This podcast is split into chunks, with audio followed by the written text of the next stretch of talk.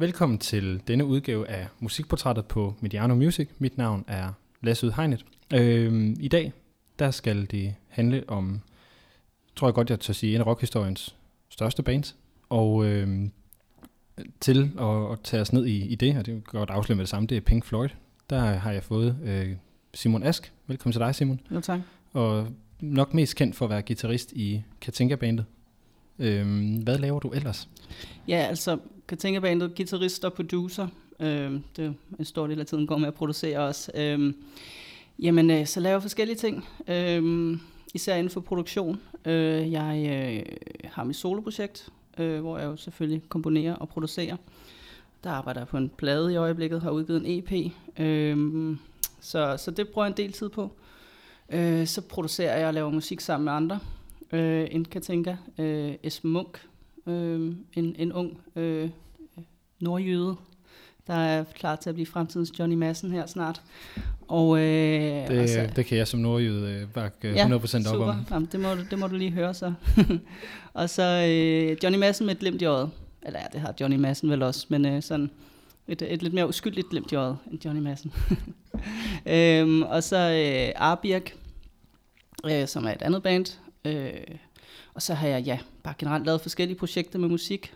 Har været i Kina og lavet Sebastian på kinesisk, som øh, udkom her øh, i efteråret i Kina. Øh, 10 forskellige kinesiske artister, som øh, synger Sebastian oversat på kinesisk, og, og jeg producerer. Så det var, det var en lidt anderledes opgave, og det var, det var sjovt. Ja, der er allerede her der er masser af ting, jeg kan høre, vi, vi bliver nødt til at dykke, ja. bliver nødt til at dykke ned i. Men øh, sådan lige til en, øh, til en start, så er jeg nødt til at sige, at, at øh, i det her program, der har vi jo et format, der hedder, at øh, en gæst kommer med sin yndlingsplade, så taler vi derudfra, og der bliver gæsten altid øh, bedt om, slash tvunget til at vælge fem numre fra pladen. Mm. Og der har du så valgt i virkeligheden bare at kuppe mit koncept fuldstændig, fordi du har valgt en plade, hvor man ikke engang skal vælge numre. Ja, det er dejligt nemt. ja, der er, der er kun fem på den, og det er pladen øh, Wish You Were Here fra 1975, som, øh, som vi skal høre.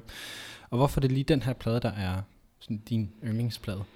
Jamen, jeg, jeg tror, man, man har nogle plader, som man en periode bliver helt vild med. Altså, jeg havde, øh, da jeg var, da jeg var øh, 16 år gammel, så var det Red Hot Chili Peppers. Så var jeg vild med så Blood Sugar Sex Magic-pladen. Og, og så, øh, så var det, øhm, så var det Guns N' Roses, jeg var vild med. Jeg synes, Slash var verdens sejeste guitarist, øh, da jeg blev 18 år. Ikke? Og så voksede jeg så heldigvis også fra det.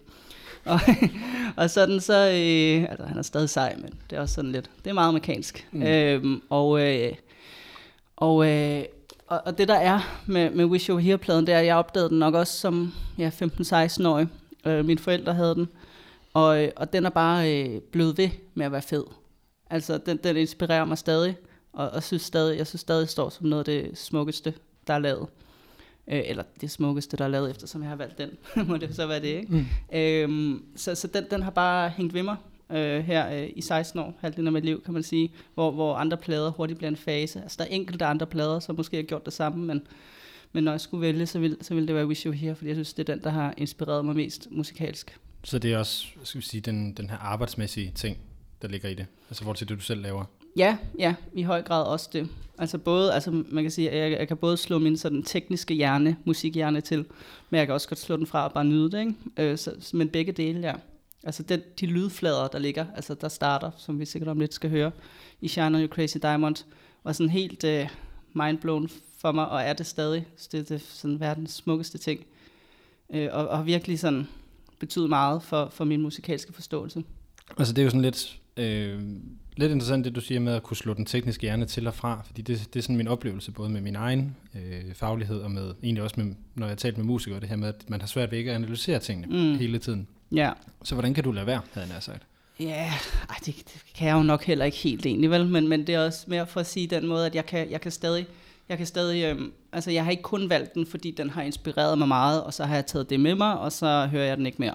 Altså, jeg, jeg kan stadig høre den. Mm. Øhm, det er måske en mere præcis måde at sige det på. Ikke? Jeg kan stadig høre den og, og nyde den sådan øh, øh, følelsesmæssigt. Mm. Øhm, samtidig med, at jeg rationelt nok også lige sidder og lytter til David Gilmore's bands, og, og hvordan de har lavet den der lydflade og sådan nogle ting. Ikke? Ja. Og bare lige sådan for nysgerrighedens skyld, hvad var ellers med i, i opløbet? Jamen, så var der øh, Leonard Cohen albumet In My Secret Life. Øh, det, det, ja, det er nok, hvis jeg skal det er de to album, som jeg kan sige, øh, af dem, der har været mine yndlingsplader. Og fordi det er også et album, det opdagede jeg måske som 17 år i det album, og, og det, har, øh, det har også holdt ved for mig.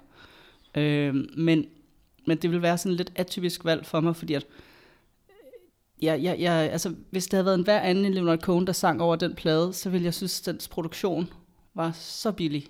Altså sådan, det, det er bare sådan, hvis ikke man kender pladen, så er det, så er det bare sådan lidt computertrummer.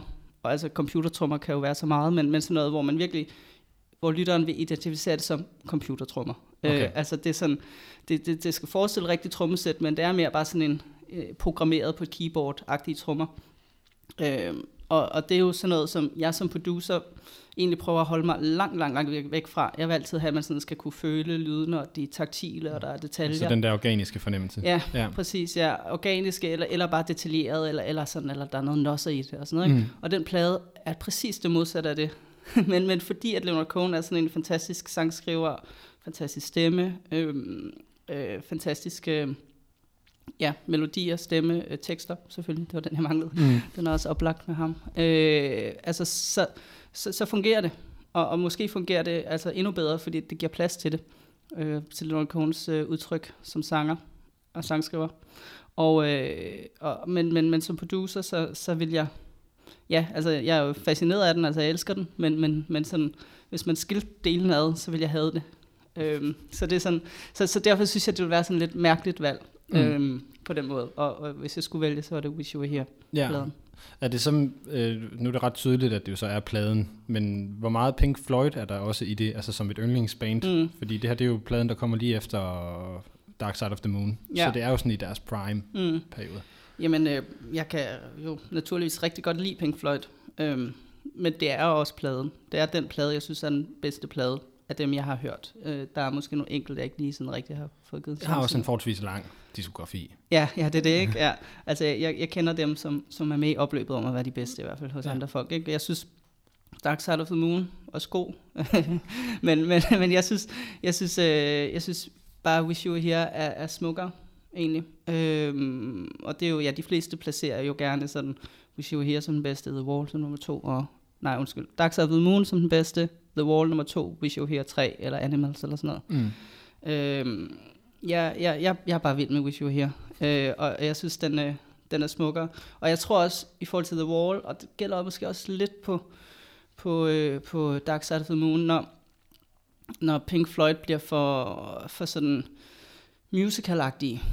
Altså, det er jo konceptet med The Wall, så, så fred være med det. Men, men, men så står jeg lidt af. Altså, så synes jeg, der kommer en distance imellem, øh, imellem mig og... Øh, mig, altså musikken og, og, og, og følelserne på en eller anden måde. Det bliver sådan et, et, et konstrueret udtryk. Altså ligesom musical musik er det. Fordi det bliver et show-off? Eller, ja, eller ja det et, bliver et, sådan... Større, et, et, et show frem for... Ja, det bliver teatralsk, ikke? Mm. Øh, og, og det er jo præcis, hvad det er. Det er teatralsk, øh, så det skal de have lov til. Men, men, men, men for mig bliver det teatralsk øh, lidt, lidt øh, flat og lidt... Øh, ja, sådan lidt... Øh, lidt søgt måske. Ja, lidt søgt, og, og, sådan, øh, og der kommer ikke et, et, et, et til et forhold imellem sådan, den tekst, man synger, øh, og, og den, der udtrykker det. Og det synes jeg ikke er fedt for troværdighed. Men altså, jeg hader også musicals. så, så altså, det, det er jo fair nok, hvis nogen kan lide. Altså, jeg synes jo stadig, der var fantastiske numre på The Wall. Øh, og også Dark Side of the Moon. Øh, og, og så tror jeg også, jeg kan bedre lide Pink Floyd, når de sådan bare syrer ud, og bare laver noget sådan helt unikt, og, og, og glemmer lidt den der rocksang. Ja, og det, øh, det må man jo så sige for, af, for, for lige at afbryde dig, beklager, men det har jeg lidt en mm. fornemmelse af, at jeg måske kommer til nogle gange, ja. ellers så kommer den her tid til lidt meget, eller ja. det, vi, Ja. ja, ellers så speeder du bare op til dobbelt tempo, så kan vi snakke dobbelt så lang tid. Det er rigtigt, det, det kunne vi prøve at gøre, se hvad lytterne vil sige til det. Mm. Øhm, jeg tror måske, jeg skal gøre det med numrene, fordi ja. øhm, Shine On You Crazy Diamond øh, er jo ligesom to gange på pladen, fordi der er part 1 til 9. Altså det, vi skal høre først her, det er så, hvad hedder det, part 1-5, som er øh, i pladens længde 13,5 minut. Og ja. som vanlige lytter af programmet her ved, så vi, vi kan ikke spille mere end et minut eller halvandet. Så undskyld, der ligger en playliste, jeg skal nok linke til den, så I kan gå ind og høre nummerne i, i fuld længde, fordi det tror jeg, og det tror jeg, du vil give mig fuldstændig ret i, Simon, det er man simpelthen nødt til. Ja, ja, ja, det synes jeg. Men i hvert fald, nu, øh, nu fader jeg lige også ud, og så, øh, så kommer, får vi lov til at høre lidt af nummeret her.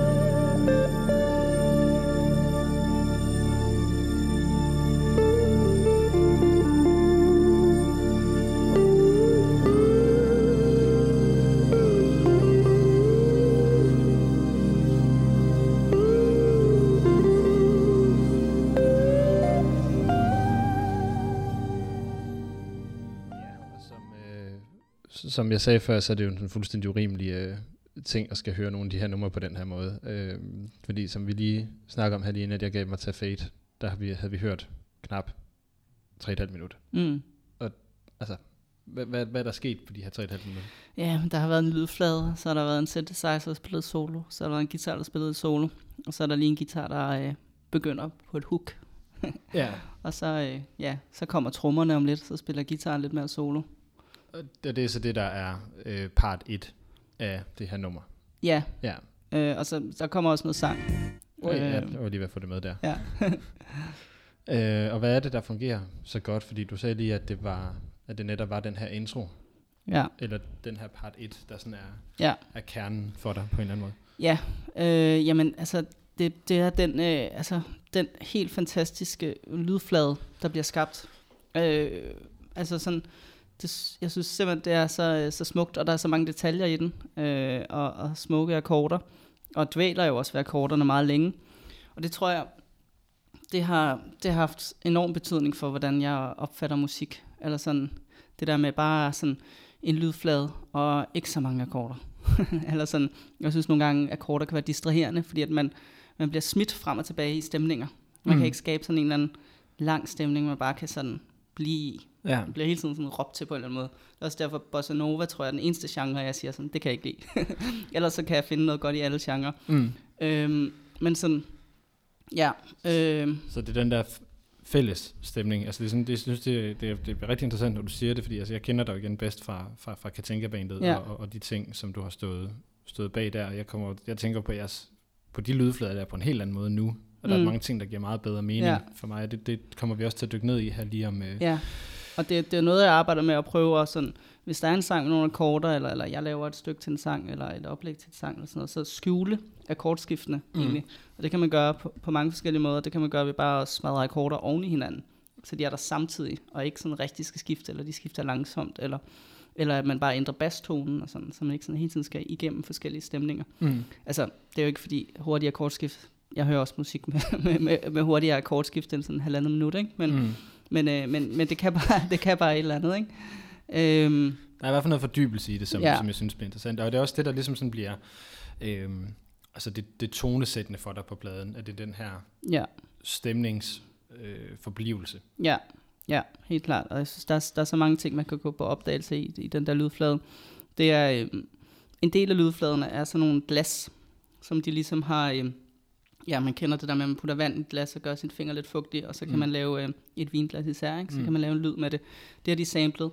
Og det var faktisk, jeg tror, det var et album, de ville lave efter Dark Side of the Moon, hvor de havde haft stor kommersiel succes med det. Så ville de prøve at lave et, øh, et album, der kun var baseret på køkkenredskaber. og det fandt de så ud af, at, øh, at, at det var sgu lidt svært. Men, men så havde de nogle af de her samples liggende, og så brugte de det blandt andet. Og så derudover ligger der jo også en synthesizer bass, og et, det jeg hører som et orgel, og, og ligger ja, sådan nogle små lyde i toppen og sådan noget, som jeg ikke ja, ved, altså, hvor jeg, kommer fra. Ja, jeg, jeg, jeg sad og prøvede at kalde det sådan noget, der glitrede lidt. Ja. Øh, sådan ja. sol, sollys, der, der blinker ja. på en vandoverflade. Ikke? Ja. Sådan lidt den fornemmelse. Ja. Men, øh. så, så der er mange forskellige lyde, der udgør det her. Ikke? Og så mm. er det jo en fantastisk synthesizer solo, der starter. Ikke? Øhm, men så bliver den lige øh, fuldt op af David Gilmores intro der. Øh, eller hans, hans solospil. Øh, som jeg også synes er, er helt fantastisk. Og også har, altså David Gilmores spil generelt har inspireret mig vildt meget som guitarist. Mm. Øh, og, og også den her intro især. Og sådan nu, nu siger du selv, du, du er guitarist. Det er sådan, mm. det, det, din indgang til musikken, det har ja. været det har været gitaren som instrument. Ja, ja, ja efter, efter blokfløjten og klarinetten. Men det var, det var gitaren, jeg sådan for alvor fandt. Ja, ja det er, sådan ja. en, er det er sådan en teenage-ting med at sidde og være en, en 13-14 år, så ja, lige præcis. finder man lige pludselig ud af, at den kan et eller andet. Ja, ja, fordi at, øh, ja, dengang var det Offspring og sådan nogle ting. Sådan noget pop-punk, ikke? Nå, okay, så, der, så de er hurtige akkordskift i virkeligheden. Ja, det var det, ja. ja. Det, det passer nok meget godt til alderen, ikke? Men jo, det var da jeg var 13 år, jeg sådan fandt, fandt hov, øh, det er jo elgitar, det er musik, jeg hører. Mm. Og så begyndte at spille det her. Men det her, det er jo sådan, altså, ved de fleste jo selvfølgelig ikke, men det er jo altså en voldsom kontrast til det her øh, pop-punk, eller hvad vi nu skal mm. kalde det. Øh, også måden at spille guitar på er mm. jo også markant anderledes. Ja. Hvad, for en, hvad, øh, hvad tiltaler dig så meget ved den her måde? Jamen det, det er jo den øh, ekstremt melodiske måde, og, og hans øh, enorme forståelse for bends, Altså det der, når man lige øh, trækker tonen, ikke? Mm. Øh, når man hiver i strengen, så tonen sådan går fra en tone til en anden. Ja, skubber eller, eller hiver. Ja, ja. Øhm, og øhm, ja, det er han bare enormt god til, at lave, lave fantastiske melodier på sin guitar. Øhm, ja, så, så, så, så det er melodierne, øh, han, han, han kan få frem i sin guitar, som har inspireret mig meget. Så øh, et, altså, hvis, hvis du skal blive fanget af noget mm. på, på et nummer, hvad er det så, der, der fanger dig? Er det en bestemt lyd? Er det den her øh, fokusering på, på, på stemning? Eller hvad er det? Eller er det simpelthen det, der er en guitar? Ja, altså det, man kan sige, jeg, jeg tror måske, at min, min styrke som producer er, at jeg kan lide rigtig, rigtig, rigtig meget forskellig musik, ikke? Og det gør også, at jeg producerer i rigtig, rigtig meget forskellig musik. Ikke? Mm. Så, så man kan sige, en, en sang kan jo have mange indgangsvinkler til at være super fed. Ikke? Mm. Men, men, men, men ja, jeg vender tilbage til det her som værende sådan i mit hoved, sådan øverst i hierarkiet over sådan, det her, det er fandme musik. Ja. Det er musik, der vil noget, det er musik, der, der vil fordybelse. Det er musik, som ikke bare taler til en følelse, du har i forvejen, og bekræfter dig i den følelse. Det er en musik, der sådan ligesom skaber din følelse, ikke? Tager dig, ja, sådan øh, det er musik for musikkens skyld, ikke, ikke musik for, for, for et eller andet andet skyld. Ikke? Mm. Altså det, det, er sådan, det er et mål i sig selv på en eller anden måde, musikken her. Ja. Øh, så, så i mit hoved er der måske sådan, altså selvom jeg kan sætte pris på al musik, så, så er der bare et eller andet specielt ved det her. Ikke? Og, og der er det helt klart lydfladen og stemningen, mm. og den, også melankolien, der ligger i det. Og man kan drømme væk i det, ikke? Det er ikke sådan noget happy-go-lucky. Øh, og det, det synes jeg, der er måske det er jo klassisk, at, at kunst, der lider lidt, har, har, en, øh, har, har bare en eller anden dybde tit. Ikke? Mm. Så du kan ikke lade være med at spørge om, der, altså, hvad, hvad tænker du om noget Kurt Weill eller noget The War on Drugs, altså den der stil, som jo... Ja, jeg, jeg kender dem faktisk ikke godt nok til sådan at kunne sige noget klogt om det. Okay. Nej. Det, det jeg tænk, ved, tænkte jeg i forhold til, at det er så guitarbord, at det netop også har altså en fordybelse gennem nogle lydlandskaber. Ja, ja. Jamen, jeg, jeg men, ved, de øh, andre har spillet noget af det turbussen, men jeg har ikke fået øh, nej, men altså, dykket du, godt nok ned i hvis det. Hvis du ikke kender det, så siger, så siger det måske rigeligt i, ja. i, i virkeligheden. Ja. Øhm, og vil sige, du begynder så at spille guitar der i, i teenageårene, og, og blandt andre interesser, du fortalte mig, inden vi gik på her, du, øh, du dyrkede cykling dengang også. Altså, mm. hvornår finder du ud af, eller hvordan finder man så ud af, at det, det skal være musikken, der ligesom bliver bliver fokus, fordi det er jo de færreste af os, der blev så gode til at spille guitar. Ja, øh, jamen jeg, øh, jeg, øh, Ja, jeg begyndte jo at spille guitar og blev meget hurtigt grebet af det. Og jeg tror måske, at, at jeg har et eller andet i mig, der gør, at jeg sådan øh, nørder noget rigtig, rigtig meget. Og, og fra jeg var her 9 til 16 år, der var det cyklingen, der måske var hovedfokus sammen med gitaren. Ikke? Man kunne godt have to hovedfokus, når man kunne komme hjem fra skole klokken halv et. Ikke? Mm. så, øh, så sådan... Øh, Kom der lille svine til skole og få dem. Yes. ja, nå ja, det er rigtigt, ja. Ja, det kan man ikke mere. Øh, nå, så er der mindre konkurrence om 10 år. Det er rigtigt. Det er meget godt. Øhm, altså, øh, ja, men, men så, så var det sådan en klassisk historie, så blev jeg 16, og alle mine venner var begyndt at drikke øl, og, og det var bare sådan lidt sødere liv, og, og, og musikken, ikke? Og jeg tror også, jeg fandt en anden dybde i det. Altså, øh, musikken, øh, ja, altså kunst generelt, hvis man finder en kunstform, der passer ind, jo har, har jo sådan en, en fantastisk dybde, der er mere sådan cykling, det handler om at vinde. Altså, det, der kan jo selvfølgelig også godt være et eller andet... Øh, sådan, ja, nu kan jeg næsten sige sådan spirituelt i at, at sådan, øh, cykle af. Altså det, det er jo sådan helt meditativt og i flow og sådan noget, ikke? I endeløse landevej. Jeg ja. tror, der vil have rigtig mange, øh, altså så den måde, som cykling bliver omtalt på, jo er, er mange, også bare her i Danmark, ikke er jo sådan meget romantisk. Ja, ja, ja, og det kan man sikkert sådan, uh, føre tilbage til Jørgen Let. Han har sådan skabt sådan helt, uh, ja. Og det er jo også rigtigt, altså, det, det er jo en slags meditativ tilstand, ikke?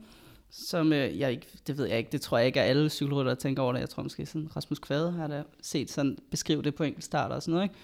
Men, men ja, så, så, så, der er jo også noget der, ikke? Men, og det minder måske meget om at være, altså jeg tror, det moderne ord for det er at være i flow, ikke? Altså minder om at stå og bare spille en guitar solo, og de bedste guitar soloer, hvor man bare ikke tænker. Ja, der hvor det bliver instinktivt. Ja, ja, og man bare sådan følger det, ikke? Og så, oh, der var lige gået tre minutter, man havde brugt, eller fem minutter af publikums tid, ikke? Men, øh, men sådan, man har i hvert fald haft det fedt selv. Mm. Og, øh, og det, øh, det, det, ja, det, det minder måske lidt om hinanden. Men, men jeg, synes, jeg synes, ja, for mig havde musikken bare et eller andet dybere lag, hvor sådan, man siger, der var både, der var både et konkurrenceelement i musik, ikke? Altså også en guitar især, ikke? Altså, stå og vise sig frem.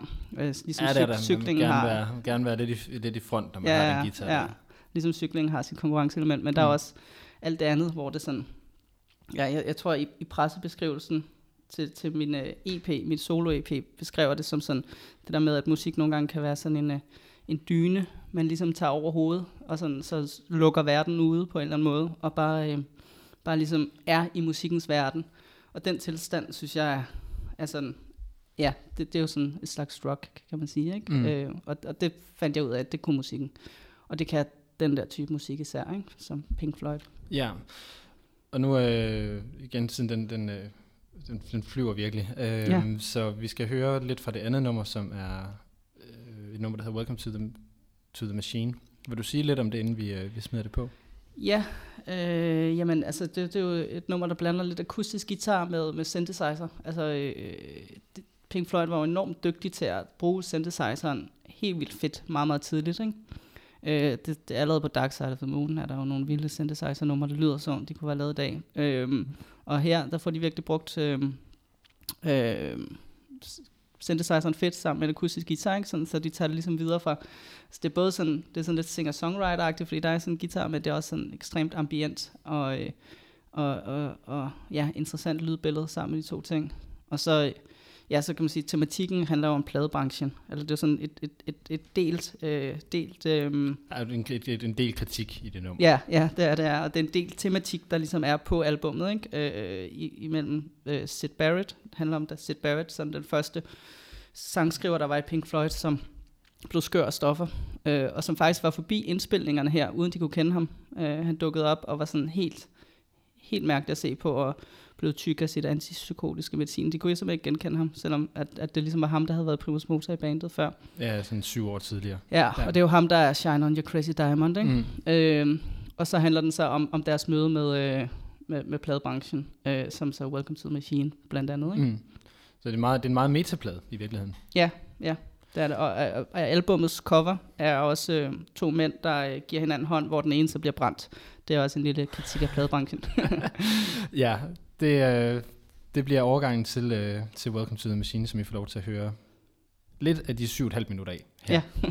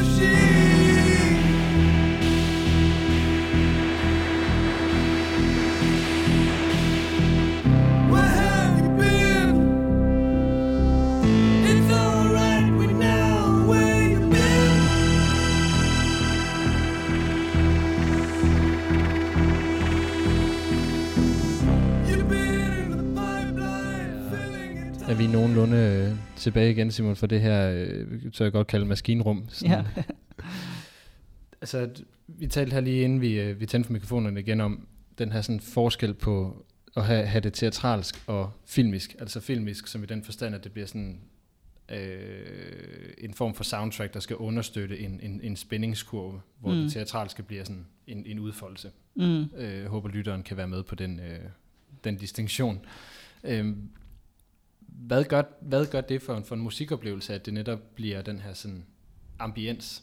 Ja, jamen jeg tror, det er det der igen, måske tilbage til, til den der dyne, jeg snakkede om før, ikke? at man, man træder ind i et, i et rum, eller man træder, øh, man tager dynen over hovedet. Altså man, man kommer ind i, i en verden, og det synes jeg er fantastisk, det der med, ja, når, når musikken bare bliver en verden i, i sig selv, øh, hvor, hvor man bare er i, i den sådan lidt, lidt magiske verden på en eller anden måde, ikke? som som, som jo foregår inde i hovedet øh, og mellem dine ører, kan man sige. Ikke? Øh, og, og, og det synes jeg, det kan mere end bare, altså det her, det kunne jo også bare have været en, øh, altså en guitar, der havde strummet, bare spillet fra, fra start til slut, ikke? Men, men der er alle mulige sådan svar og, og alt muligt, man kan lytte efter i synthesizerne, uden det sådan tager over.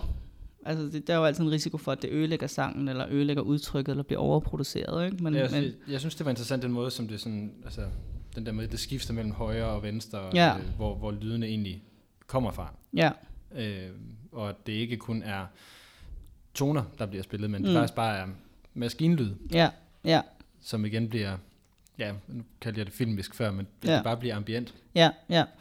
Om det, om, om det så er, det kan jo godt være, at det er reelle øhm, maskinlyd, de faktisk har samlet, eller om det bare er en synthesizer, det er lidt svært at høre. Ja, øh. Synthesizerne i, i 70'erne var også rimelig vilde alligevel. Ja, de, ja, ja, ja, det kan være begge dele, men, men det der reelt lydsunivers, det er jo også noget, der er meget moderne lige i øjeblikket med mm. Billie Eilish og sådan noget, de bruger det meget. Mm. Øhm, men, men ja, det, det, det, er bare, det er bare godt. ja, ja, ja. Det, det, det er fedt. Så nu, øh, nu kommer vi så ind på, hvordan du bruger det i, i, i forhold til at skal lave den musik, som du, øh, du selv er med til at producere osv. Og der vil jeg gerne starte med at tage fat i Katinka-tingene, fordi det mm. jeg kender bedst, og så kan vi måske bevæge os lidt ud i nogle af de ting, du, du ellers har lavet derfra. Mm. Fordi jeg synes også, at der netop er noget omkring den her ambiens i nogle af Katinka-numrene. Mm. Kan du genkende det? Jo, helt klart. Altså, man kan sige, øh, mange af numrene er jo lavet på den måde, at øh, jeg skal tænke, øh, har lavet et, sådan et, et lejrebålsnummer på en ukulele, ikke? Øh, sådan strummet på en ukulele, og så, så tager jeg over derfra og sådan skaber en verden til det, ikke? Og, og man kan sige, der, der er jo nok ikke noget, der er længere væk end sådan, øh, fra, fra det der ambiente univers, en akustisk ukulele, og en sang lavet på den måde. Det, det er sådan, det er singer-songwriter, ikke? Ja. Og, og det er jo meget sådan, det er jo mere sådan en, en, en, sådan en, en fortælling og akkordskift og dit og datten, ikke? Og det er også, det er også fedt. Eller det kan jeg også godt lide, ikke? Det er ikke det. Men, men, men så nogle gange, så hiver jeg numrene over i noget mere ja, ambient, og noget, hvor man mere er i et rum fra start til slut. Og, og den kontrast, tror jeg, med at det ligesom er lidt en kamp imellem Katinkas musikforståelse og min musikforståelse, tror jeg, øh, nogle gange kan danne basis for noget, der sådan er, er lidt anderledes, fordi det er begge dele. Altså det er både en fortælling og akkordskift og Øh, samtidig med, at det kan være sådan lidt ambient. Ikke? Man siger, det, det gør, at det, det bliver hverken eller, men det gør også, at det måske opstår noget nyt i den, mm. i den kontrast, i, den spæ- i det spændingsbælt. Ikke? Og ja, jeg synes, øh, et nummer som Idioter, for eksempel, er et meget godt eksempel, hvor, hvor der kører bare sådan en, en rytme, øh, som, som jeg egentlig faldt over lidt tilfældigt. Øh, der kører bare sådan en, en rytme fra start til slut. Man kan prøve at høre nummeret, hvis det er øh, som skaber sådan en, en, en ambient verden på en eller anden måde, samtidig med, at der er noget rytme i den, ikke? Men, men det sådan, bliver bare sådan pulserende rytme på en mm. eller anden måde. Og øh, et nummer, som du tænker ikke, øh, kan også nævnes. Øh, der er det sådan med sådan noget støjrock ambience, kan man sige, ikke? Øh, som faktisk, det, det er der faktisk en lille anekdote til, hvordan jeg kom, øh, ja, altså man, man kan sige, til folk, der ikke kender numrene, det er der nok nogen, der gør, eller ikke gør, mener jeg. Øh, der, øh, det er i hvert fald lige en anbefaling herfra. Det, det er to meget gode numre, som du, øh, ja, du får fedt. frem. Ja, fedt. Jamen, jeg er også glad for dem. Der er noget på spil i de numre i hvert fald, ikke? Det er der. Det er der så i rigtig mange af hendes numre i det ja. hele taget. I hvert fald øh, tekstmæssigt. Ja. Øh, og øh, øh, altså sådan, på vores debutplade, vi havde lavet nogle EP'er før det, men på vores debutplade, vi ikke kønner nok til at danse, der er der øh, to, øh, to numre, et der hedder Krig, og et der hedder Du tænker ikke, hvor jeg faktisk har været inspireret ret meget black metal. Øh, og det er måske ikke lige sådan, kan tænke af black metal, det man tænker.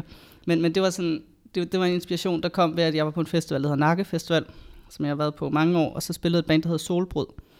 Og øh, det, det er sådan et, et sådan stort, stort uh, citationstegn, fordi black metal-miljøet er måske ikke så stort i Danmark, men et stort black metal band, der også har fået sådan meget anerkendelse fra diverse anmeldere og sådan. Øh, og de spillede, og, og, og, og i det som black metal, det er jo også bare sådan en masse lyde, øh, og så en meget, meget hurtig stortrum, der kører dobbeltpedal.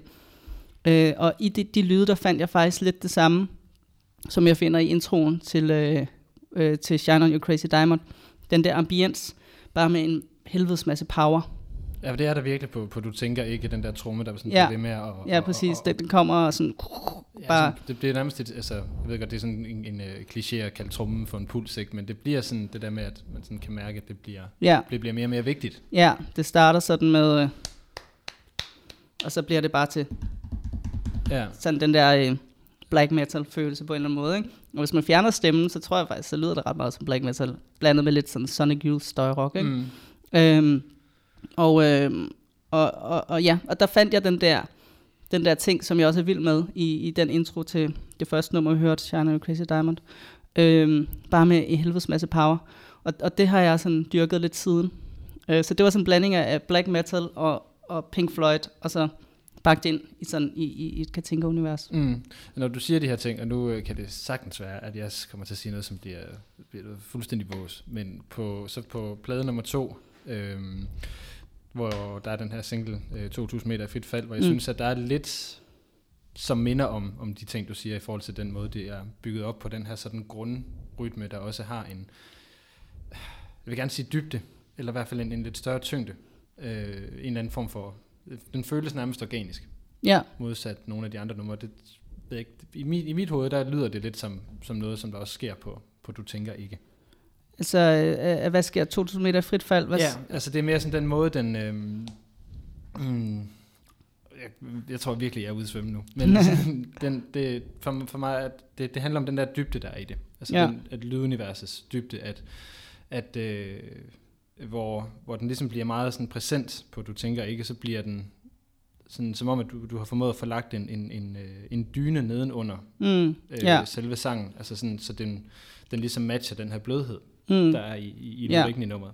Ja, altså ja, 2000 meter i frit fald har sådan en lidt anden historie, fordi jeg tror, ja, det, dels var det egentlig et forsøg på at skrive sang på en lidt anden måde. Øh, jeg havde et, et, et guitar-riff, som jeg synes øh, var, var fedt, og så øh, sang øh, Katinka hen over det, ikke? Øh, hvor du tænker ikke er lavet på ukulele. Øh, mm. 1000 meter i frit fald ligesom lavet ud fra guitarriffet og Katinkas tekst. Mm. Og så er de to ting sat sammen. Og så Tobias, vores trommeslager, øh, lavet nogle trommer til det, og Marie, øh, vores kor, øh, bidrog til, øh, til C-stykket, øh, lavede akkorderne til det. Og, øh, og så, så, den, er, så den, er, den er lavet på en anden måde, og den er egentlig tænkt, altså, det er, altså i Du Tænker Ikke, der, der er produktionen påtrængende. Mm. Øh, med to meter i frit fald, der var, der var egentlig målet, fordi vi, vi har haft på Vi kønner nok til at danse, øh, første album, en meget sådan en tendens til sådan en, en stigende spændingskurve i løbet af et nummer. Ja, korrekt. Ja, korrekt. ja. sådan du ved, så skal det gå nok og sådan noget, ikke? Mm. til sidst. Og det, det er sådan en, en spændingskurve, jeg godt kan forfalde lidt til, og den, den, er, den er jo fed, og det er jo super og sådan noget, ikke? og så er det helt øh, i gang til sidst og sådan noget. Men det er også fedt at kunne lave noget andet, hvor, hvor man sådan også bare kan rocke lidt med fra starten, ikke? Og, mm. og være sådan, okay, nå, det er sådan her nummeret er, det er sådan her stemningen er, og så slutter nummeret. Mm. Eller sådan, det er sådan lidt mere, øh, vi kører afsted i yeah. en bil øh, på roadtrip-agtigt, ikke? Og, øh, og, og det, det var egentlig målet at lave ja, en produktion, som var, som egentlig, den havde noget nosser i sådan et, øh, et, et sådan ret, øh, et, et, et, et sådan et lidt teknisk svært, i al beskedenhed, guitar-fingerspilsstykke, mm. øh, som, som ligesom allerede sat tonen, og så behøves man ikke lave så mange andre digitarer. Mm. Øh, og så, det giver mere plads til, at man bare er i sangen. Ikke? Mm. Øh, så det var et mål med den. Lad lige et par ting, jeg lige vil, vil have spurgt ind til, øh, fordi det, det virker også, altså, når jeg som lytter har hørt dem, som om, at, at plade nummer to er nemmere at lytte til. Altså, der er ikke så meget i, i lyduniverset, der sådan er på spil, mm. eller sådan, som, som der var øh, på den første plade, som, som kræver ret meget ja. øh, er der som lytter, fordi der, der er noget på færre. Mm. At, at, er det mig, der har en opfattelse her, eller, eller er der bevidst i det? Det er, det er, det, det er jo det, det er jo i hvert fald, øh, ja, en, altså det, det, det kan jeg godt følge. Øhm, det er, altså målet med anden plade var egentlig at, at lave noget, som, hvor man kunne følge nogle roller fra start til slut hvor første plade var sådan lidt sådan et miskmask af produktionen var bare sådan et instrument. Mm. Eller sådan, der var ikke sådan, man kunne ikke sådan lige følge sådan, og nu, nu gør øh, Tobias det, eller nu gør Simon det, eller sådan. Øh, det var bare sådan en, en produktion, der sådan spillede sammen med sig selv, og med sangen forhåbentlig.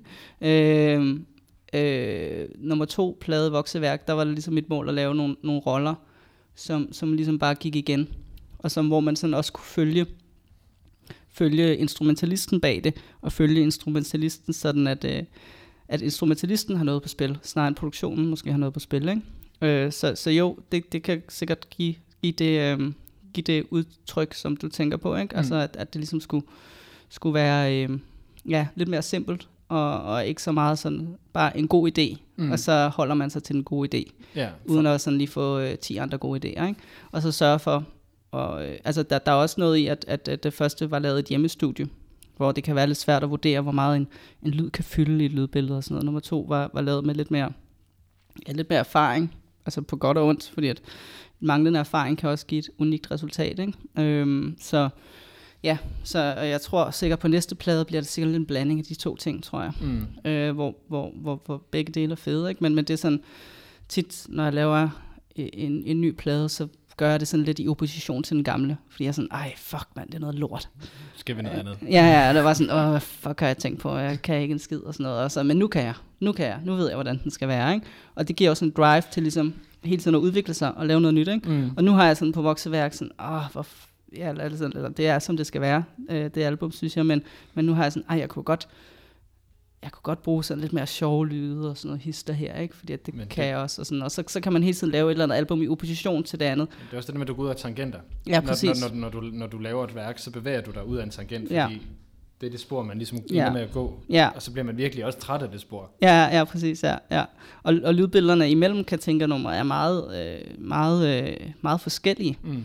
Og det er jo så også en, en kado til Katinka som, som, øh, som tekstforfatter, som sanger og sangskriver, at, at hun, øh, hun har så stærk en stil, at jeg kan få lov til at lege lidt mere. Mm. Øhm, fordi hvis, hvis hun havde været lidt mere anonym i sit udtryk, så ville vi måske lyde som 10 forskellige bands øh, på et album, eller på over flere albums. Øhm, ja. nu, nu, nu kan man, synes jeg, få lov til at lege. Også, øh, øh, Katinka har også øh, altså en, en, en ret meget sådan en formel for, hvordan hun, eller det er ikke en formel for hende, tror jeg, men sådan hun har sin måde at skrive sang på, ikke? Og det både nødvendiggør, men også giver mulighed for, at jeg så kan køre øh, til højre og venstre. Mm, så, så det er de dogmer, der ligesom bliver lagt ned omkring det? Ja, ja det kan man sige. Det, det er sådan nogle, nogle ubevidste dogmer i starten, eller nogle, nogle ubevidste ting, og så, bliver det, så, bliver man, øh, så begynder man at rationalisere over det, ikke? og så bliver man sådan, ja, det er jo, det er jo faktisk en vej at gå. Ikke? Mm. Ja. Godt. Vi, øh, vi skal høre øh, lidt fra det tredje nummer på, øh, på pladen, øh, som er Have a Cigar. Og øh, du får ikke lov at sige noget om det. Nej. Øh, så løber, løber tiden øh, med garanti øh, fra os øh, igen. Så her kommer der Den handler af... om en cigar. Godt, det var det, du fik lov at sige. Det er jo det korteste nummer på pladen. Det er kun 5 minutter og 8 sekunder langt.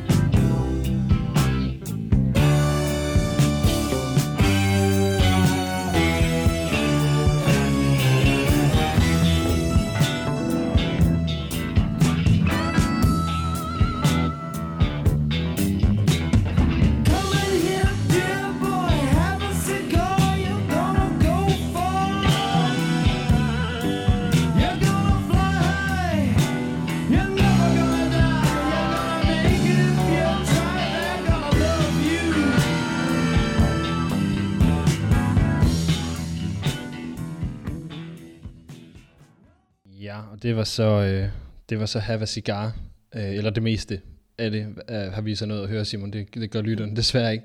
Øh, nu har vi snakket lidt om Katinka-bandet og, og jeres lydunivers. Vil du fortælle lidt om nogle af de ting, du ellers laver? Så nu nævnte du det her med Sebastian og Kina. Det, ja. det synes jeg lyder helt vildt. Ja, ja jamen, øh, jeg, jeg var i Kina for et øh, lille år siden og, øh, og, og, og øh, producerer Sebastian sange på kinesisk. 10, 10 sange til det kinesiske marked, sunget af, af 10 forskellige artister. Og øh, det var, ja, det var en det spøjs opgave. og det var en, øh, en fyr, der hed eller hedder, øh, Morten Luxhøj, som, øh, som har boet i Kina og lavet meget forskellige projektmageri dernede, øh, og også øh, arbejdet med musik dernede. Og han, han fik ideen til det, oversat vorvise for et par år siden til kinesisk, fik god, god respons på det. Og så fik han ideen der for, ja, tre år siden er det vel nu, så siden. Og, øh, og, øh, og han, øh, han øh, ja, arbejdede så længe på at få det realiseret, fik et stort kinesisk pladeselskab med på det, til at lægge nogle penge i det, ideen, og, og det danske forlag til ligesom at, at frigive uh, rettighederne, og Sebastian selvfølgelig også til ligesom at sige, at det er i orden, for sangene. Og, øh, og så for et år siden, sådan to uger før det egentlig skulle eksekveres, der blev jeg kontaktet øh, bare på sådan en Facebook-anmodning, øh, sådan øh, om, øh, hey, har du lyst til at lave Sebastian på kinesisk? Og så, det var en søndag aften, så snakkede vi lige telefon mandag, nå, okay, så skulle hun til Beijing, og ja, jamen, øh, så passede det heldigvis med, at vores turné lige var slut, øh, og jeg ikke havde andre koncerter i den periode, så... Øh, så tog jeg til Kina sammen med Morten, og så, øh, så arbejdede vi ellers bare dag og nat i tre uger på at få det optaget. Øh, og det var jo, altså man kan forestille sig et logistisk øh, helvede at få sådan eksekveret sådan noget på tre uger. Og, og øh, altså, sanger, der kommer ind med deres managers, og egentlig gerne vil høre det færdige produkt, før de lægger stemmen, men stemmen skal ligesom danne udgangspunktet for det færdige produkt. Og sådan. Altså, det var virkelig sådan et projektmageri. Mm. Og Morten stod heldigvis øh, for det logistiske af det. Ikke? Jeg skulle bare sådan sørge for at, at, at komme med de kreative idéer og instruere folk i, hvad de skulle spille og sådan noget. Mm. Og øh, ja, så, øh, så arbejdede jeg på det frem til oktober, og så er det kommet ud her i efteråret i Kina.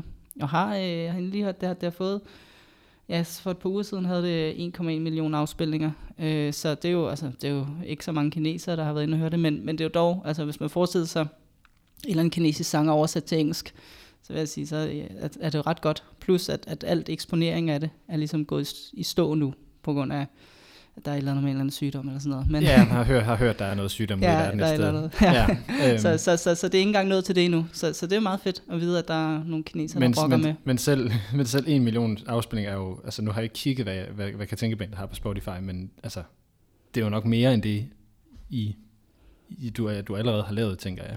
Øh, nej, det er det faktisk ikke. Er det ikke? Det er det ikke, nej. nej. Øh, jeg følger trofast med på Spotify, og øh, bare vores 2000 meter frit fald har 1,3 millioner alene, ikke? Så, Godt så. Ja, ja. Så, I, så, så dog. Øh, så, så kan Kina bare komme ja, ja, ja. øhm, men, øh, men, men det skal jo også lige skydes i gang, projektet, ikke? Mm. Og, og, det er jo også sådan, vi har også opbygget et navn over, over længere tid, ikke? Ja, det man siger, den, den kom jo virkelig også, øh, da, da skal vi sige, I var på mange måder et højdepunkt eller et forløbigt højdepunkt øh, i forhold til popularitet og så videre. Mm. Øh, 2000 meter i, i frit fald. Øh, vil lige gå tilbage. Hvor meget kender du til, til, hvor meget kendte du til Sebastians musik inden? Øh, jeg tror, at jeg kendte ikke så meget mere, end sådan den almindelige musikinteresserede dansker gør. Okay, øh, fordi jeg forestiller mig bare, at det må være ret vanskeligt at gå ind og så skulle tage en anden kunstners materiale, og så få det oversat til, altså for jeg ved godt, du skulle ikke lave selve oversættelse, men det der med mm. at lave et musikunivers, og så få det oversat ja. til ja. et andet sprog, og få det til at matche. Ja, altså, øh, jeg var jo også sådan, at jeg må hellere sætte mig ind i uh, kinesisk musik, øh, da jeg blev spurgt, og der mm. havde jeg lige to uger til, sammen med Sebastians musik selvfølgelig. Ikke? Øh, men, men Morten, som har, ja, ham der i gang sat projektet, har, har, har jo en del erfaring med kinesisk kultur, og sagde, at, at, at sådan... Øh, der findes jo forskellige spor af kinesisk musik, men, øh, men, men den sådan indie pop, som man måske kan klassificere det her under, øh, er, er, øh, er ligesom, øh, lidt ligesom i Danmark. Så jeg skulle bare tænke det som dansk eller som, som vestlig, eller, eller okay. global musik, kan man vel kalde det, ikke? Som så, global popkultur. Så så ja. meget J-pop og K-pop? Eller nej, nej, det, det, det gik vi ikke ned af, nej, nej. nej. Okay. Det, det findes også, altså mandarin pop, ikke? Men, men det var så ikke lige det der, det, det marked, vi skulle ind på, ikke? M-pop, simpelthen. Ja, ja, ja, nemlig. Det bliver nok det nye en dag. Ja. øhm, ja, så, så det var egentlig bare sådan, du ved, bruge sin musikalitet, ikke? Mm. Ja. Og så fortalte du, du var i gang med en soloplade. Ja. Hvordan er det ligesom opstået? Fordi, altså, det lyder til, at du har sådan mange ting i gang. ja, jeg, jo, det har det er også stille, kan man ja. sige. Øh, jamen altså, sidste år, ja, eller for et år og tre måneder siden, og sådan noget, udgav jeg, øh, udgav jeg øh, en EP som solist, øh, som ligesom var en, en bunke numre, som jeg øh, har siddet og arbejdet på, bare sådan løbende altid, øh, siden jeg begyndte at producere.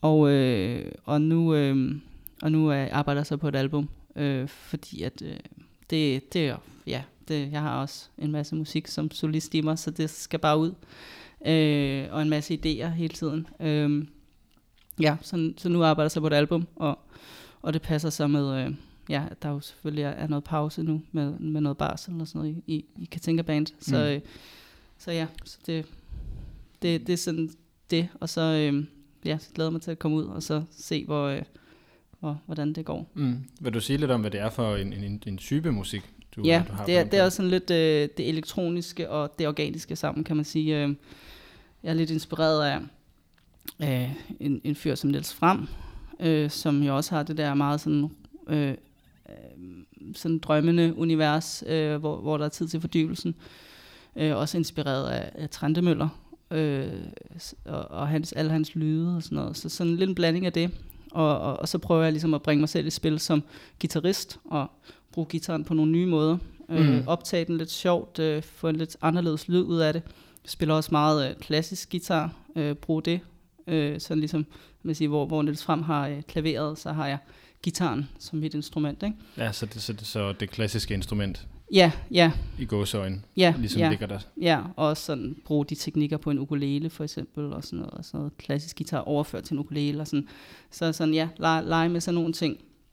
Øhm, samtidig med, at der også kommer ja, nogle lidt mere sådan rent elektroniske ting ind over og sådan noget.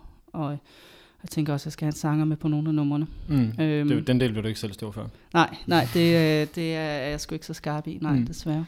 Altså, hvordan er det, fordi nu, nu, nu snakkede vi tidligere om det her med at være guitarist, så vil man egentlig gerne stå lidt, lidt langt fremme på, på ja. scenen. Hvordan har det været for dig i forhold til at have en så markant forsanger mm. i, i dit band? Fordi at, at altså, no offense, men kan tænke, at det er jo alt rampelys, når, ja. når I fire er på scenen. Ja, ja. Ah, der, der er lige øh, der er fem minutter solo undervejs, øh, vil jeg så sige. Øh, men, øh, men jo, øh, det, det kan da godt være pisse irriterende. Og egentlig ikke, ikke så meget som guitarist, tror jeg måske, men mere som producer, at man ligger sådan otte måneder i et album, og så bliver det stadig øh, omtalt som hendes album, ikke? Mm. hvor jeg tænker, at det er sgu vores. Øh, øh, også hittet 2000 meter har vi jo lavet i, i virkelig i fællesskab. Mm. Øhm, så så det, det kan da godt være pisse irriterende. Og det er, jo, det er jo ikke, altså man kan sige, at vi står også i en lidt speciel situation, fordi vi jo, altså det er jo også selvforskyldt til en vis grad, eftersom vi har valgt at kalde projektet Katinka, så bliver det sgu også lidt, øh, lidt svært lige at regne ud, hvad fanden der øh, gemmer sig bag det, ikke? Øh, og det er jo egentlig, det, det er jo både en styrke, øh, altså jeg tror, det er en styrke rent kommercielt. Jeg tror ikke, vi var kommet lige så langt ud, hvis vi hed øh, The et eller andet, The Fab Four eller et eller andet. Altså det, det, det, det altså folk, øh, altså musik er jo identitet, og folk vil gerne identificere sig med Katinka, fordi hun har en stærk personlighed. Mm. Og, og det tror jeg, der øh, har, har, har gjort, at, at vi er blevet større, end vi ellers var blevet. Og det mm. er jo mm. pisse fedt. Altså nu, nu spørger jeg dumt, fordi det er jo sådan noget, som, som øh, var, var typisk lidt i, i 50'erne, men egentlig også Peter Sommer gør det også nu. Det er, ligesom, mm. det er Peter Sommer, og så er det Tiggerne som orkester. Ja, ja, det har der også været en overvejelse. Men ja, nu se, vi har ikke lige fundet det gode navn endnu. kan tænke, at de overser det. det på en eller anden måde vil det passe rigtig, rigtig godt ind i sådan universet, tænker jeg. Ja. Men det, øh... Jo, måske. Altså, der er jo også lidt i, altså, det er jo Katinkas øh, følelse, mm. der bliver understøttet. Og på den måde er der også en meget øh, en til en, øh, sådan, altså man kan sige, selvom der er andre om at skabe den, så er det jo stadig Katinkas tekst, eller, altså det er Katinkas skriver teksterne, men, men universet er der flere om at skabe, ikke? Mm. Øhm, men teksterne er jo meget Katinka, og det er jo dem folk, i hvert fald altså, dem, som jeg som, som lytter først identificerede ja. med, det var, det var de der tekster, ja. som, var, som var meget, altså... Ja, de var meget personlige. Ja, meget patosfyldt, meget stærke. Ja, og, og de er jo meget personlige, og, og der er det jo meget godt med sådan en, en personlig afsender også, så mm. der er sådan et match imellem det. Så, så det er jo et svært spørgsmål. Mm. Men øh, ja, jeg tror også, det, det bunder også lidt i, at vi ikke rigtig har fundet et, øh, et godt bandnavn. Et, et godt bandnavn. Altså, vi har også, jeg tror, der har været lidt frem, om det skulle være Katinka Band, men lyder, man skulle sparet sig med et eller andet sådan protest fra 70'erne. Eller sådan. Altså, det, det bliver sgu sådan lidt, det bliver lidt flat, synes jeg. Mm. Så, øh, så ja. Men altså, det er jo, øh, jeg tror, hvis, hvis jeg bare havde været guitarist, du ved, og skulle med ud på nogle turnéer og drikke nogle bajer og have det grineren, så ville det, så ville det være mindre end det der egentlig som producer, mm. at sidde og bare sådan, øh, faktisk, altså... Så det er den og, der følelse med at også at blive, skal vi sige, det bredt anerkendt for, for det fælles ja, arbejde. Ja, ja, ja. Og altså, man kan sige, vi er jo, det er jo ikke så meget en diskussion om, hvem der står forrest. Det, det er jo ligesom øh, afgjort med, med, med forsangerrollen og sådan noget. Ikke? Så det er, jo, det, er jo ikke, det er jo ikke sådan en kamp imellem det. Det er mere bare en kamp om at være en del af det. Mm. Nu når man har brugt otte år på det, ikke? Mm. Og, og, og stort set brugt øh, alt arbejdstid på det. Ikke? Mm. Øh, så, så det er mere der, den ligger. Apropos øh, protester fra 70'erne, det, det, passer meget godt på det, vi, vi har, skulle, eller vi har siddet og, og hørt her. Og nu, nu skal vi jo så faktisk til, øh, til titelnummeret, som måske også er det, det mest kendte af de numre, der er fra, mm. fra, fra pladen her, Wish You Were Here. Øhm, vil du sige lidt om det, inden vi, øh, vi smider det på? Ja, altså det, det er jo nok det, der er mest sådan... Øh, det mest sådan singer-songwriter-agtige nummer, og det mest øh, sådan umiddelbart tilgængelige nummer. Øhm, Selvom der, det stadigvæk er 5,5 minutter. Ja, ja der, der er vi tilbage i temaet omkring Sid Barrett, øh, og at ja, de ville ønske, han var der. Mm. Godt, det får I lov til at høre her. And discipline remains mercifully. Yes, and, and neither would you, Derek, this star nonsense. Yes, yes. No, which is it? I'm sure of it.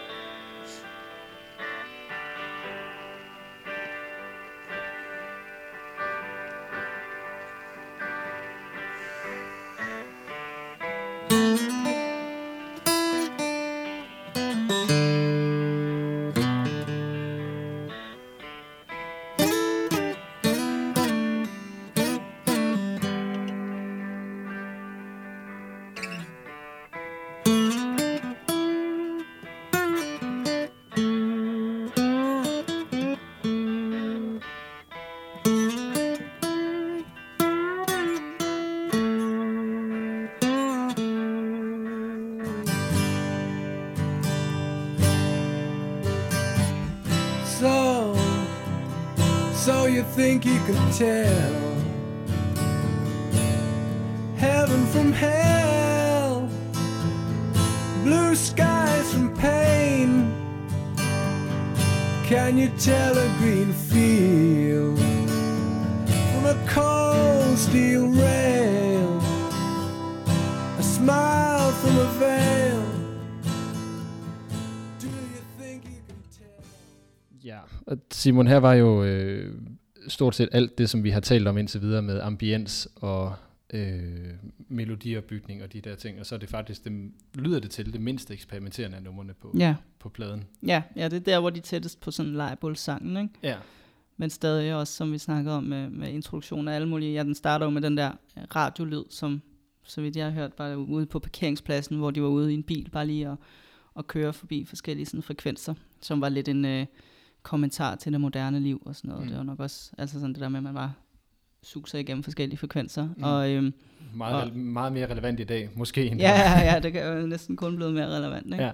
Ja. Øhm, også noget af det, de jo så tog op på The Wall, og så sådan noget fremmedgørelse og alt det der. Mm. Øhm, og, øhm, og ja, altså, ja, sådan det tætteste på en lejrbålsang, men stadig med en masse sådan, detaljer at lytte efter, og ja, ikoniske riffs. Ja, altså, særligt det her hovedriff, som, som vi også talte om, mens nummeret kørte, det her med, at, at, at øh, det der med at ramme et riff, der er på den her måde. Mm. Øh, smed jeg nogen øh, undervejs, ikke? Øh, øh, hvad hedder det? Morning Glory med Oasis, mm. eller Rebel Rebel med David Bowie, som har de her altså mm. meget, meget simple ja. riffs i virkeligheden, men som bliver ekstremt ikoniske, ligesom ja. det her jo også er blevet, ja. fordi de har deres egen stemning. Ja. Øhm, og det, det var egentlig faktisk, apropos vores snak før om forskellen på første album og andet album. Mm. mm. Øh, sådan, øh, jeg vil ikke påstå at sige, at det lykkedes lige så godt som, som dem, du har nævnt, men, men at skabe det der med sådan, okay, der, der er et riff bag, ikke? Mm. Altså, hvis man hører et nummer som Søndermarken, du ved, der, der sad jeg lang tid og prøvede, okay, hvordan kan jeg oversætte de her akkorder til, til i stedet for at være akkorder, så er det både et riff og akkorder, ikke? Øh, og 2000 meter er jo bygget op omkring et riff, ikke? Mm. Altså sådan det der med, altså hvis du alligevel skal smide nogle akkorder på, så kan du lige så godt gøre dem ikoniske, ved at skabe ja. et riff ud af dem, ikke? Øh, og, sådan, og, og det, det, det formår de virkelig godt her. Det, det er en, en ret, øh, ret sjov øh, måde at, at, at få det sat op, eller få det sagt på, synes jeg. Ja, fordi det, man, man kan lige så godt øh, altså, prøve at finde ind til, jamen de her akkorder gemmer sig et eller andet, der gør, at, at det ikke lyder som akkorder, men det lyder som et riff. Mm. Men samtidig er det akkorder. fordi at så, så får man ligesom ja, så får man bare flere identifikationsting ind i musikken, som gør, at man så snart nummeret kommer på, kan høre, okay, det er det her. Ja, altså nu, nu vil jeg, kan jeg heller ikke lade være med at spørge, fordi det jo er, øh, vi, vi taler om, om øh, det her program bygger op omkring i albumformatet, altså hvor vigtigt er, øh, hvor vigtigt er det for et album at have, et, et, have den her lejrebålsang?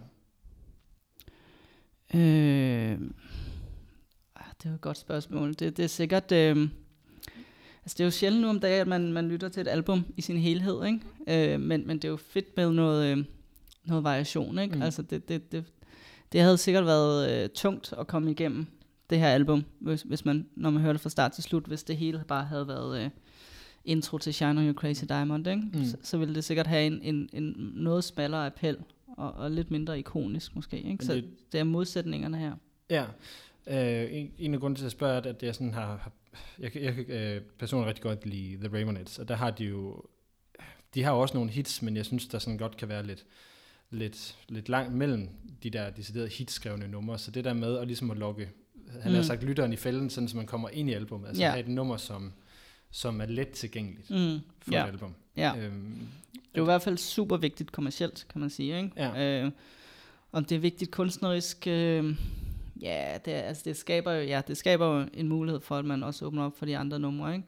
Mm. Og, og, og det er jo også, altså, ja, øh, variation er jo enormt vigtigt kunstnerisk, så, så det er nok, det er vigtigt, ikke? Mm. Øhm, og ja, og også noget, vi tænker på, når vi laver et album, at, at der skal være lidt til, til, til det hele, ikke? Øh, både til den glade sommerdag, hvor man kan lade radioen køre i baggrunden, uden rigtig at tage notits af det, og så noget, hvor man bare sådan, her kræver vi sin opmærksomhed. Ja. Øh, så, så kan man gøre det i mere eller mindre grad. Altså, håber, at vi altid har sådan en vis integritet med i, også det poppede, ikke? Men, mm. ja. ja, det var, det var vist en kondisør, der, der talte der, ja. øhm, er der forskel for dig, når, når du skal sidde og lave ting, om, om, om det bliver, skal vi sige, altså, om det bliver øh, ligesom 2.000 meter frit fald, som øh, bliver ved med at vende tilbage til det, fordi jeg synes, det er sådan det mest poppet mm, af, ja. af de numre, I har.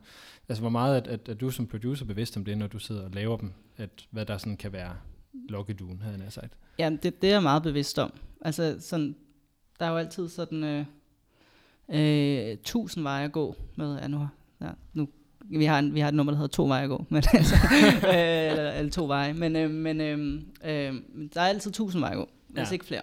Og, øh, og, og, og der har man jo behov for et eller andet, der ligesom sporer ind ind på, hvad for en vej skal det her nummer. Og der er det jo sådan, okay, det her nummer er catchy, det har et hook og sådan noget, jamen så, så er det det nummer, der går den poppet vej, du ved. Så kommer jeg ikke til at fyre en eller anden øh, avantgardistisk idé af i mellemstykket eller sådan noget. Ikke? Ja. Øh, og så alligevel nogle gange, altså så nogle gange er det jo også kontrasten imellem de to ting, der er fed, og der gør det ikonisk, og gør, at det bliver mere end bare sådan et hurtigt popnummer, men et popnummer, der står distancen over tid, og så videre, så videre. Ikke? Så, mm. så det er selvfølgelig sådan lidt, lidt øh, hurtigt sagt, men men, men jeg tænker da helt klart over, altså, hvad, hvad, altså at, at der er ingen grund til at gøre et nummer længere, end det skal være, hvis man alligevel havde tænkt, at det skulle være et, et pophit. Altså mm. sådan, sådan nogle ting, ikke? Altså sådan nogle ting kan ligesom guide en. Men, men jeg har også den ting, at, at det er altid det kunstneriske først. Mm. Men der er altid mange valg, når selv inden for det kunstneriske, ikke? og der kan man lige så godt styre det hen imod, sådan, hvad den her sang skal. Ja, altså nu prøver jeg lige at lave et, et, et, et, et, en, en sammenligning, og så igen kan det sagtens være, at jeg tager fejl i det, men hvis vi nu tager fra, fra øh, Vi ikke kører nok til dansepladen, og så tager titelnummeret, og så øh, nummeret Før jeg mødte dig, mm. der er, vil jeg påstå, at det første titelnummeret er, er lidt et hit, det der ligesom mm. skal lokke folk ind, det er sådan, mm. ja. ruller godt derud af, og sådan, mm. har også et ret sådan fængende omkvæd mm. i virkeligheden. Og så har, før jeg mødte dig, det her sådan meget øh, ambiente indledning. Lidt, minder lidt om, om, om det, vi lige har hørt i virkeligheden. Mm. Ikke? Med, at der er sådan noget skrammel i baggrunden. Det lyder som ja. noget, noget køkkenskuffer, der bliver lukket. Ja, ja, eller ja, ikke? ja. Øhm, det er hvad? også en skuffe, der bliver lukket. ikke en køkkenskuffe, men tæt på. men det der med, at, at der er en... Øh, at det jo også bliver stemningssættende. Ja. Altså, så hvornår kan, kan det ene gøre det andet, han har sagt? Altså, kan du godt have det ambiente med, og så stadigvæk lave hitte? Øhm, ja, det er jo et godt spørgsmål. Øhm, det kommer også an på, hvad man definerer som hit. Ikke? Altså jeg tror, jeg tror øh, mange plays på Spotify hit, det tror jeg godt, man kan. Radio hit, den er lidt værre. Øh, fordi jeg tror, radio har, har større krav til optempo og til sådan, at, at der kører sådan en, også, du ved, de skal jo spilles øh, til biler, eller sådan folk, der kører bil, hvor der er en masse baggrundsstøj, så hvis du har alt for meget dynamik i din sang, så, så fungerer den ikke på radioen. Mm. Øh, og sådan nogle ting, ikke? Så, så, og ambiens kræver også lidt dynamik og sådan nogle ting, ikke? Ja. Øhm, så, Så, så det jeg hører dig sige, bare nu lægger jeg ord i munden på det, det er, at du hellere vil lave nummer til Spotify. ja, men det kommer også an på, hvad sangen... Altså, jeg er nødt at lave 1000 meter i frit fald, og jeg synes, øh, altså, den, jeg, jeg kan også godt lide det hurtige pop, og jeg hører også masser af sådan pop, ikke? Og det tror jeg er en velsignelse som, som producer, også at kunne lide det, fordi ellers så vil man fandme få svært ved at overleve, ikke? Øh, så, så det er sådan, det, det begge dele kan noget, ikke? Og ja, og for at vende tilbage til før, ja, kontrasten, det er sgu nok rigtigt. Altså, det, det er lidt af hvert. Det er sgu, sgu meget fedt, ikke? Og det er jo også bare, hvad, hvad, hvad nummeret kræver. Hvad, hvad der pakker det her nummer, eller hvad der sender det her nummer bedst afsted. Mm. Også når man står og spiller en koncert, så synes jeg, en af vores styrker er den kontrast, vi egentlig kan levere. Øh, I og med, at vi også Altså har i, for, i forhold til, til, til, til, til pladen, altså liveoplevelsen, eller hvad? Ja, nej, øh, øh, den kontrast, der er imellem numrene, Ja. kommer også til sin ret øh, live, fordi at så bliver det bare sådan forskellige stemninger, og det gør, at det bliver mere interessant, tror jeg. Øh, at, at det er lavet på forskellige måder, og forskellige tanker bag, og sådan. Mm. Jeg kan ikke lade være at spørge, hvor, hvor øh, opmærksom er, det, er I, du, på, at, øh, at når I laver tingene live, at, at, at I så skal følge, øh, skal vi sige, pladeindspilningen, eller hvor meget øh, leger I med numrene? Mm, vi leger ret meget. Øhm, men det er også, øhm, altså for sådan noget som dynamik, altså lydforskel og sådan noget, ikke? Det, det skal man bare skrue øh, 10 gange op for live. Ikke? Altså man, man kan klare meget mere sådan lydforskel og, og stemningsskift og sådan live, fordi man er meget mere til stede i det, ikke? end man er, når man bare sætter det på i baggrunden. Ja, så kan du lige så godt vaske op i mellemtiden, ikke? Ja, ja.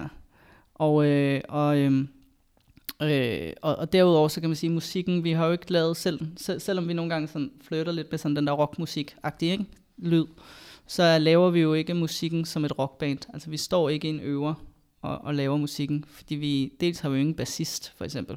Så sådan, det, er lidt, det er lidt svært at, altså vi leger lidt med nogle gange at bruge det som, som en ting at, at stå i en øver faktisk, men, og vi vil gerne bruge det mere fremadrettet, men, men vi kan aldrig sådan rigtig lave et fuldt nummer.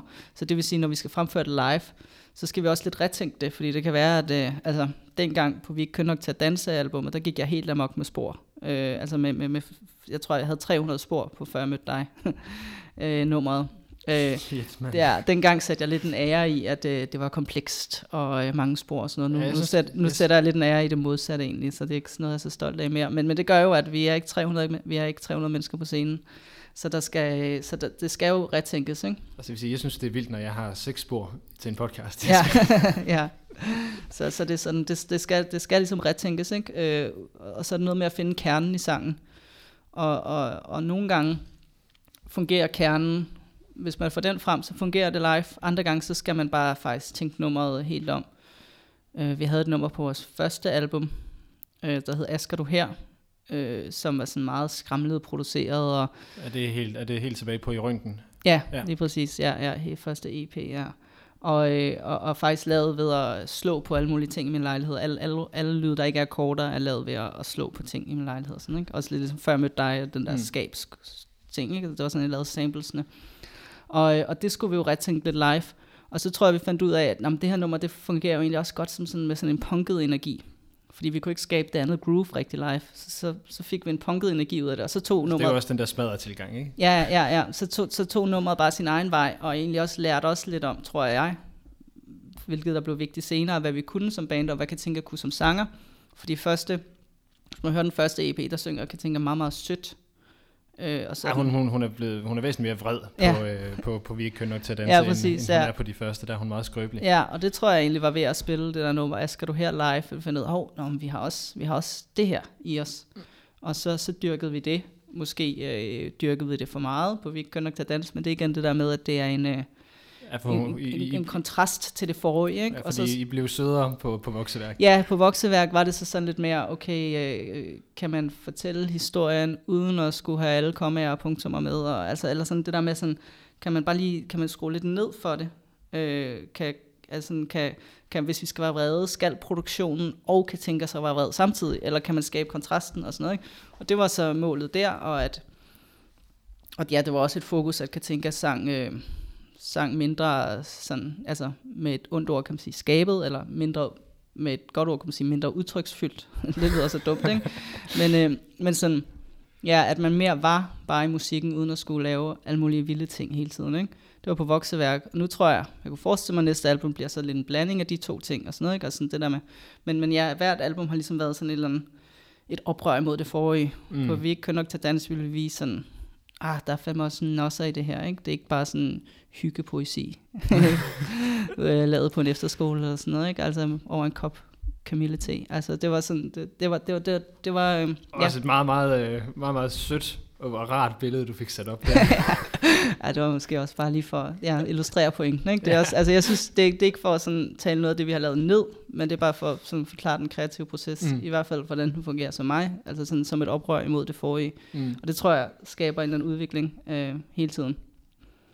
Det tror jeg, du har helt ret. Jeg, jeg synes i hvert fald, at jeg som lytter kan, øh, kan høre den, så et eller andet ja. er der i hvert fald lykkes, ja. kan, man, kan man sige. Fedt, ja. Og det, det er jo ikke, ja, det er, igen er det ikke sådan, altså når jeg ser tilbage om 20-30 år, så bliver det spændende at se, hvad jeg synes egentlig var det bedste.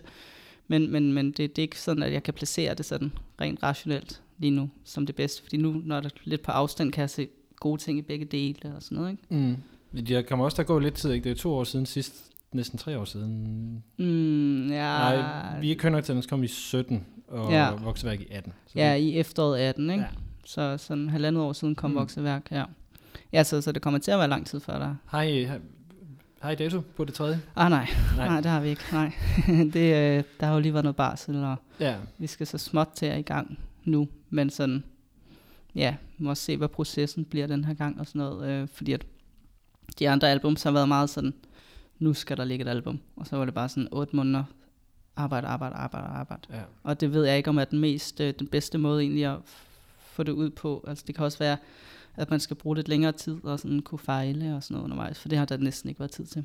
Altså selvom otte måneder lyder som lang tid, så er det kun sådan to uger per sang næsten.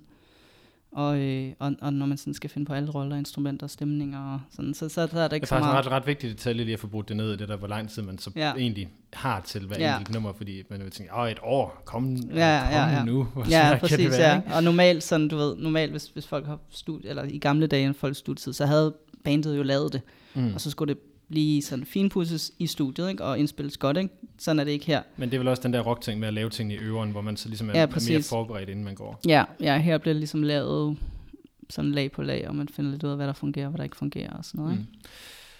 Simon, øh, vi nærmer os en afslutning her, øh, yes. så vi skal høre øh, Shine On You Crazy Diamond øh, part 6 til 9. ja, det er sådan meget præsentøst at gemme det der, det er ikke bare part 2. Det er 6 til 9 nu. Præcis, og det, er, det er kun 12,5 minutter langt. øh, er der nogle ting, du synes, vi mangler at fortælle om noget, du, du sidder og brænder inde med? Øhm, ja, altså man kan sige, der, der er faktisk en vis, altså nu handler den om, om, om musikbranchen, den her, ikke? Der, der er en vis øh, lighed imellem, vi ikke kunne nok til at danse tematikken, altså på titelnummeret mm. øh, på vores første album, vi ikke kunne nok til at danse til, øh, til, øh, til tematikken her, for det er egentlig Øh, efter vi vandt Karrierekanonen, havde vi sådan nogle lidt uheldige oplevelser med musikbranchen, der sådan ligesom øh, var, øh, altså sagde til Katinka sådan, du kan ikke blive til noget sammen med dem. Og sagde noget andet til os andre, og sådan noget. Det der med sådan det der dobbeltspil, ikke? Og det minder nok lidt om, øh, om det Pink Floyds øh, øh, oplevelse der. Så skrev Katinka til sidst sangen, vi ikke kører nok til at danse, som egentlig handler om den oplevelse. Øh, så, så der er sådan et, en, en lighed faktisk imellem tematikkerne. Godt. Så, øh, så lad os øh, slutte på den note igen. Simon, tusind tak for, at du havde, øh, havde lyst til at være med, også i de her coronatider, så der er noget at lytte til. Selv tak, det var en fornøjelse. Det var godt at høre. Øh, til jer, der har lyttet med, tusind tak for, at I har lyttet med. Øh, jeg håber, I har lyst til at lytte med igen. Mit navn er Lasse Udhegn. Det her det er musikportrættet på Mediano Music, og så her får I så til sidst lidt af Shine On You Crazy Diamond, part 6 til 9.